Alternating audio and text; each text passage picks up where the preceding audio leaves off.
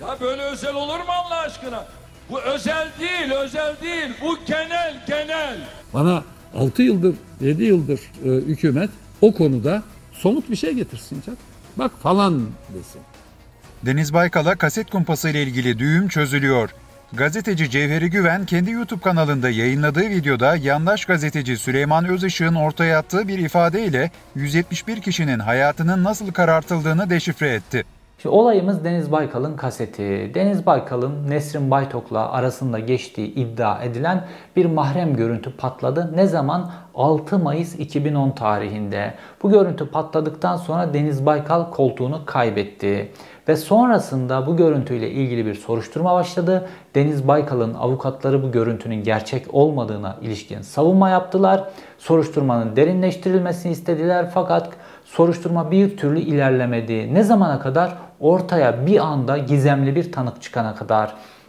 Ve tanık çıktıktan sonra bir anda soruşturma 171 kişinin hakkında yakalama kararı, tutuklama kararı çıkacak kadar genişletildi. Düşünün Süleyman Özçık bu kaset patladıktan tam 6 yıl sonra, kaset 6 Mayıs 2010'da patlamıştı. Süleyman Özışık 2 Mayıs 2016'da yani darbe girişiminden hemen önce bir anda ortaya çıkıyor ve ben Deniz Baykal kasetiyle ilgili çok önemli şeyler biliyorum diyor. Nerede? Habertürk televizyonunda Ece Üner'in enine boyuna programında. Habertürk TV'de cemaatten bir gazetecinin kendisini arayarak Baykal kasetiyle ilgili önceden bilgi verdiğini ve Kılıçdaroğlu'na yakın iki siyasetçinin de işin içinde olduğunu söyleyen Özışık'ın ifadesi fitili ateşledi. Buradan sonra savcılık devreye giriyor ve 5 Mayıs'ta yani hemen bu programdan 3 gün sonra Ankara Cumhuriyet Savcısı Süleyman Özışık'ı çağırıyor ve Süleyman Özışık ifadesini veriyor. Tabi ifadede Süleyman Özışık olayı daha dallandırıyor, budaklandırıyor. Ee, işte aslında bana diyor ham kaset geldi diyor. Yani 30 dakikalık ham kaset gelmişti bana diyor. Ama diyor ben işte birazını izledim sonra baktım müstehcen e, kapattım filan. Yani normalde internette yayınlanan bütün o bir tane link gönderiliyor Mete Kafe'den. Onların hepsinde çok kısa bir görüntü var. Ama diyor ki bana 30 dakikalık görüntü geldi. Ham görüntüler geldi. Hiç kimseye ham görüntüler gönderilmemiş. Süleyman Özışık'a gönderilmiş. Ve kim tarafından gönderilmiş diyor Süleyman Özışık? Aktifhaber.com'dan geldi diyor. Süleyman Özışık 5 Mayıs 2016'da gidip savcılığa bu ifadeyi verdikten sonra bir türlü mahkemeye getirilemedi. Mahkeme başladı. 171 kişi yargılanıyor. Bir sürü polis tutuklandı. Yüzden fazla polis tutuklandı. Aileleri dağıldı. Yıllarca hapiste kaldılar. Bu polislerden bir tanesi öldü. Süleyman Işık bu polisin katili ki o bir diğer polisler de söylüyorlar. Öldü cezaevinde. Hayatını kaybetti. Fakat Süleyman Özışık'ı bir türlü mahkemeye getiremediler. Çünkü o günlerde Süleyman Özışık dokunulmaz. Süleyman Özışık bütün kendini AKP'ye tepe tepe kullandırtıyor. AKP'nin bütün kara propagandasını yapıyor.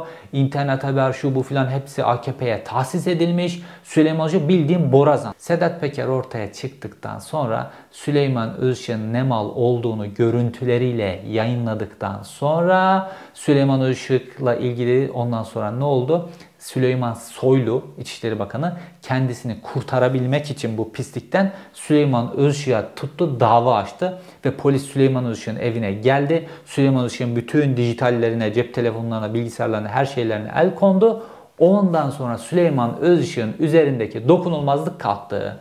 Dokunulmazlık kalkınca Süleyman Özışık mahkemeye gitmek zorunda kaldı Ankara'ya. Mahkemede bu ifadeler nasıl değişiyor? Şimdi bu kısmına geleceğiz.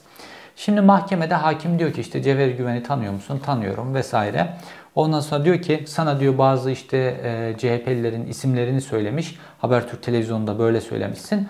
Bu isimler kim diyor. Süleyman Işık da diyor ki şu an ismini hatırlayamadığım bazı siyasi partili isimleri de bana söyledi ama ben reddedince olayı kapanmış oldu. Şimdi Habertürk televizyonda diyor ki bu isimleri şimdi açıklayamam diyor. Elimde belge yok diyor. Savcıya diyor ki tazminat davası açar bu iki CHP'li o yüzden açıklayamıyorum ben diyor. Mahkemede de diyor ki ben bu isimleri hatırlayamıyorum diye.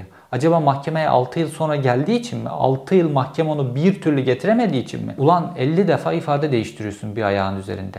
Aynı mahkemenin içerisinde savcılığı, Habertürk'ü geçtim. Mahkemenin başında diyor ki bu isimleri hatırlamıyorum diyor. Sonra hakim bir soru soruyor diyor ki isimleri bana açıkça söylemedi diyor. Hakim bu sefer savcılıktaki ifadesinde isimleri biliyorum demişsin diyor. Bu sefer diyor ki bu isimleri açıklamak beni sıkıntıya düşürür diyor. Mahkemenin içerisinde yani birkaç dakika arayla yalanın üstüne yalan katıyor. Bir ayağının üzerinde 40 tane yalan söylüyorsun. HTS kayıtlarıyla yalan söylediğin ortaya çıktığı için mi ifadenizi düzeltme gereği hissediyorsunuz diyor. Şimdi Deniz Baykal'ın avukatının bu söylediği çok önemli. Şimdi Süleyman Özışık nasıl başlamıştı işe? Cevheri Güven beni aradı ve bu işi söyledi diyor. Ve ben o zaman bir yazı yazmıştım. Demiştim ki benim tek bir isteğim var. O gece benim bütün telefon konuşmalarım, HTS kayıtlarım her şey çıkartılsın. Ben kimi aramışım, kimi aramamışım ortaya çıksın. Ve Süleyman Işık Habertürk televizyonda bu konuyu böyle patlattıktan sonra savcılığa gidiyor. Tabi savcılıkta HTS kayıtlarına bakıyor. HTS kayıtlarında ben Süleyman Özışık'ı hiç aramamışım. Fakat şimdi bu yalanı değiştirmesi lazım. Bu sefer de bu yalan ortaya çıkınca savcılığa ikinci kez gitmek zorunda kalıyor. Bu sefer kardeşini de yanında götürüyor. Diyor ki Süleyman e, Cevheri benim kardeşimin üzerinden bana ulaşmaya çalıştı diyor. Kardeşim üzerinden bana ulaşmaya çalıştı. Hatta kardeşimin eviyle benim evim çok yakın. Kardeşim aldı eline telefonu, getirdi benim evime, telefonu verdi. Cevheri ile öyle konuştuk diyor. Şimdi Deniz Baykal'ın avukatı da diyor ki sen başlangıçta Cevheri beni doğrudan aradı ve bana böyle söyledi diyorsun. HTS kayıtlarıyla bunun yalan olduğu ortaya çıktı. Şimdi bu yüzden mi ifadeni değiştiriyorsun? Olay nereye kadar geliyor biliyor musunuz? En sonda savcılıkta ne diyor Süleyman Işık biliyor musunuz? Telefon görüşmesi falan yok. Bana mail attı diyor. Süleyman Işık bu ifadelerle yetinmiyor. Bu ifadeleri işte Habertürk'te böyle konuştuktan sonra savcıya da gidip bu ifadeleri iyice daha büyük bir yalan haline getirip söyledikten sonra ondan sonra da Süleyman Işık bu Baykal kasetiyle ilgili yazılar yazmaya başladı. Ve bu yargılanan polisler var ya bunların çoğunu yazılarında böyle seri şekilde böyle kafile kafile polislerin isimlerini geçirmeye başladı. Ve onun ismini geçirdiği bütün polisleri tutukladılar. Süleyman Işık tam bir tetikçilik rolü oynadı. Özışık'ın mahkemeye getirilmesi sonrası tutuklu yargılanan polisler önemli bir bilgiyi deşifre etti. Ve Ankara İstihbarat Şube Müdürü Hami Güney de soruyor. Diyor ki ya bu tanığı 5 yıldır bekliyoruz. Geleceğini bilmiyorduk, hazırlıksız yakalandık. Ama şunu merak ediyorum. Bu görüntüler gazetecilere link gitmiş. Size ise 30 dakika ham görüntü gelmiş diyorsunuz. Şimdi normalde bir sürü gazeteciye bu görüntüler o gece gitti. Mail olarak, link olarak gitti. Ben de vardım içerisinde. Benim gibi başka haber müdürleri, muhabirler vardı. Hatta siyasetçiler de vardı. Zaten bu görüntüler haber olmadan yani ilk haber vaktimi girdi ya. O haber olmadan önce Ankara'da mecliste elden ele dolaşıyordu. Çünkü milletvekillerine de bu link, Mete Kafe'nin o linki mail atılmıştı. Fakat Süleyman Işık ifadesinde diyor ki link değil diyor. Bana 30 dakika ham görüntü gönderdiler. Ham görüntülerin kendisine geldiğini söyleyen Özışık aslında büyük bir ifşada bulunuyor. Zira ham görüntüler Baykal'a kumpası kimin kurduğunu tespit etmek için hayati değerde. Polis de diyor ki istihbaratçı polis, zeki polis diyor ki sen diyor burada sanık olman lazım diyor. Çünkü sen o ham görüntüleri korusaydın jandarma kriminal onları ham görüntüleri inceleyebilecek ve bu görüntüleri kimin çektiğini ortaya çıkarabilecekti. Sen bunları korumadığın için, sende olduğunu iddia ediyorsun, korumadığın için diyor. Olayı bu noktaya getirdin diyor. Dolayısıyla sen burada sanık değil de tanık olmak için mi diyor bu şekilde ifade verdin diyor. Yani seni kullanıyorlar mı? Kim kullanıyorya getiriyor. Ve Baykal'ın avukatı artık Süleyman Özşia öldürücü darbeleri vurmakla ilgili hamlelerine geçiyor. Deniz Baykal'ın avukatı Muzaffer Yılmaz çok önemli bir konuya dikkat çekiyor. Diyor ki Cevheri Güven filan hikaye diyor. Burada esas amaç Kılıçdaroğlu'na yürümek diyor. Baykal'ın avukatı devam ediyor. Diyor ki Süleyman Özşık bu iki kişinin Kılıçdaroğlu'nun yanında olduğunu ve Baykal'a kumpası bunların kurduğunu söylediği iki kişi. Eğer böyleyse bu büyük bir suç. Özşık suçu 6 yıl gizlemiş. Suçluyu ise hala gizliyor. Yani iki kişi ya suçlu Süleyman Özşık'a göre. Bir kere böyle bir suç olduğunu biliyor 6 yıldır gizliyor 6 yıl konuşmuyor. Bir 6 yıl da suçluyu gizliyor. Bu iki kişiyi söylemiyor diyor. O zaman suçu ve suçluyu gizlemekten Süleyman Özşık hakkında suç duyurusunda bulunmasını Şimdi ulan hani senin kaynağın bendi beni zaten açıkladın. Şimdi bir anda bu iki kişi oldu kaynak. Ve bu iki kişiyi açıklamamak için de haber kaynağını açıklamama noktasına geliyor. Bir anda ben haber kaynağı olmaktan da çıktım. Kılıçdaroğlu'nun yanındaki iki kişi oldu kaynak. Demek ki Kılıçdaroğlu'nun yanındaki iki kişiyle Süleyman Işık beraber çevirmişler bu işi. Ee, ya da o iki kişi bizzat almış Süleyman Işık'a vermiş bu görüntüleri. Kaynak olmaktan da çıktım. Arkadaş olmaktan çıktım. Cemaatçi olmaktan çıktım. Onu telefonla aramıştım. Onu telefonla aramamış. Ara telefonculuktan çıktım. En sonunda kaynağı olmaktan da çıktım. E ben niye yargılanıyorum bu dosyada? Niye yargılandığımı ben de bilmiyorum. Bu 171 kişi de bilmiyor. O yüzden de polis soruyor. Diyor ki ya diyor bu iftirayı bize niye atıyorsun diyor. Bir türlü anlayamıyor, anlamlandıramıyor. Ama olayın daha enteresan boyutu var. Süleyman Işıkola öyle bir noktaya getiriyor ki e, kasetteki kişi Baykal bile değil noktasına geliyor. Süleyman Özışık'ın öldürdüğü polis konusuna.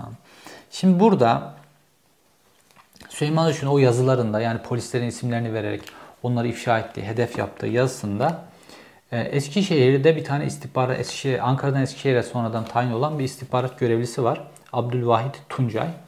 Bunu özel hedef yapıyor Süleyman Özışık. Abdülvahit Tuncay 3 tane kız çocuğu var. Bunlardan bir tanesi en küçüğü 8 yaşında ve üçü yetim kaldı. Adam sapa sağlam 50 yaşında bir adam sapa sağlam cezaevine girdi. Cezaevinden cesedi çıktı. Cezaevinden cesedi çıktıktan sonra o kızın attığı bir tweet var. O 8 yaşındaki kızı babasının öldüğüne hala inanamıyor. Mezarı kazıp babasını çıkarmaya çalışıyor. Şimdi sadece o mu? O kişinin ölmesine, o üç tane kız çocuğunun yetim kalmasına neden olan kişi sensin Süleyman Özışık. 171 kişinin yargılanmasına neden olan kişi sensin. Bunlardan çoğu tutuklu yargılandılar. 5 yıl, 6 yıldır cezaevlerindeler ve çocuklarından, eşlerinden ayrı kaldılar. Aileleri belki bazılarının dağıldı. Mahkemeye gelmek zorunda kaldı ve mahkemeye gelince de kendi yalanlarını kendi ağzıyla çürüttü ve Deniz Baykal'ın avukatı dahil bütün avukatlar ve oradaki polisler Süleyman Özış'ı paçavraya çevirdiler. İfadeler o kadar uzun ki her bir sözünü paçavraya çeviriyorlar, yalan olduğunu ortaya çıkartıyorlar ve rezil ediyorlar Süleyman Özış'ı. Fakat bu adamlar rezil olmaz.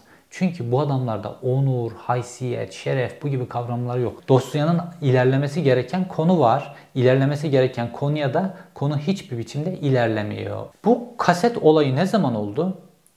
6 ee, Mayıs 2010'da. Bu Mayıs ayı çok enteresan bir ay. 6 Mayıs 2010. 6 Mayıs 2010'dan hemen öncesinde 15 Nisan 2010'da Türkiye'de çok enteresan bir gelişme oldu. Hakan Fidan Milli İstihbarat Teşkilatı Müsteşar Yardımcısı olarak doğrudan kafadan MİT'e atandı ve kısa bir süre sonra o Mayıs ayında yani Deniz Baykal'ın kasetini patladığı Mayıs ayında da Milli İstihbarat Teşkilatı'nın başkanı oldu.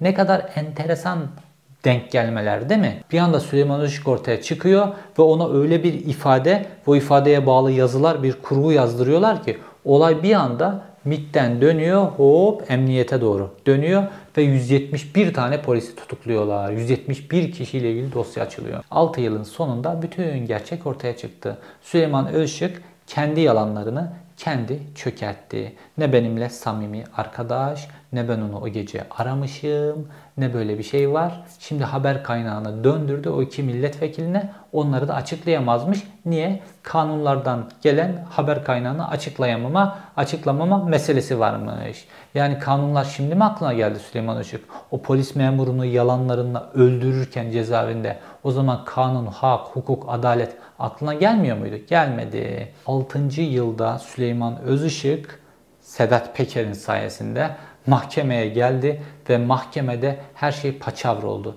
Şimdi bu davanın düşmesi lazım ve polislerin hepsinin serbest bırakılması, beraat edilmesi lazım. Bir, dava düşmeyecekse davanın ilerlemesi gereken yön hayati yazıcı yönü. Davanın ilerlemesi gereken yön Milli İstihbarat Teşkilatı yönü. Fakat bu yöne doğru da ilerlemeyecek. Bu kaset hep arşivde vardı. Fakat bu kasetin ortaya çıkmasının zamanlaması Hakan Fidan'ın Milli İstihbarat Teşkilatı'na enjekte edilmesiyle denk gelmiştir. Zamanlama o zamanlama olmuştur.